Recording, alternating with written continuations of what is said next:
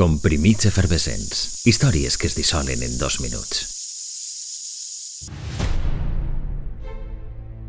El primer ministre i la seva parella decidiren tornar a casa fent un passeig pel centre històric.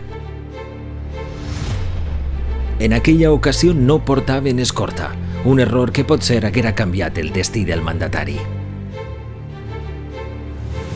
Suècia i bona part del món entraren en xoc en conèixer la notícia. Un 28 de febrer assassinaven d'un tir mentre tornava del cine el primer ministre suec, Olof Palme.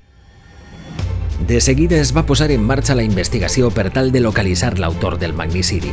Indagacions que amb el temps es demostrarien pesades, lentes i ineficaces. La policia va seguir tantes línies d'investigació simultànies que es va perdre en la seva pròpia intenció.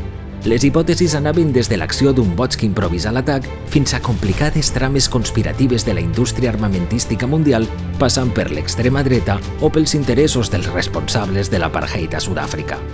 Ben cert és que el pacifista, tolerant i anticolonialista de Palme havia fet enemics, però ningú ha trobat evidències sòlides de res. De fet, l'únic processat pel cas, un delinqüent comú, fou finalment alliberat per falta de proves.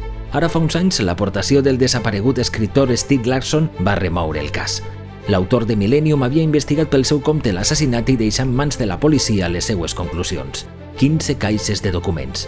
Però passen els anys i continuem sense saber qui va matar Olof Palme un 28 de febrer de 1986.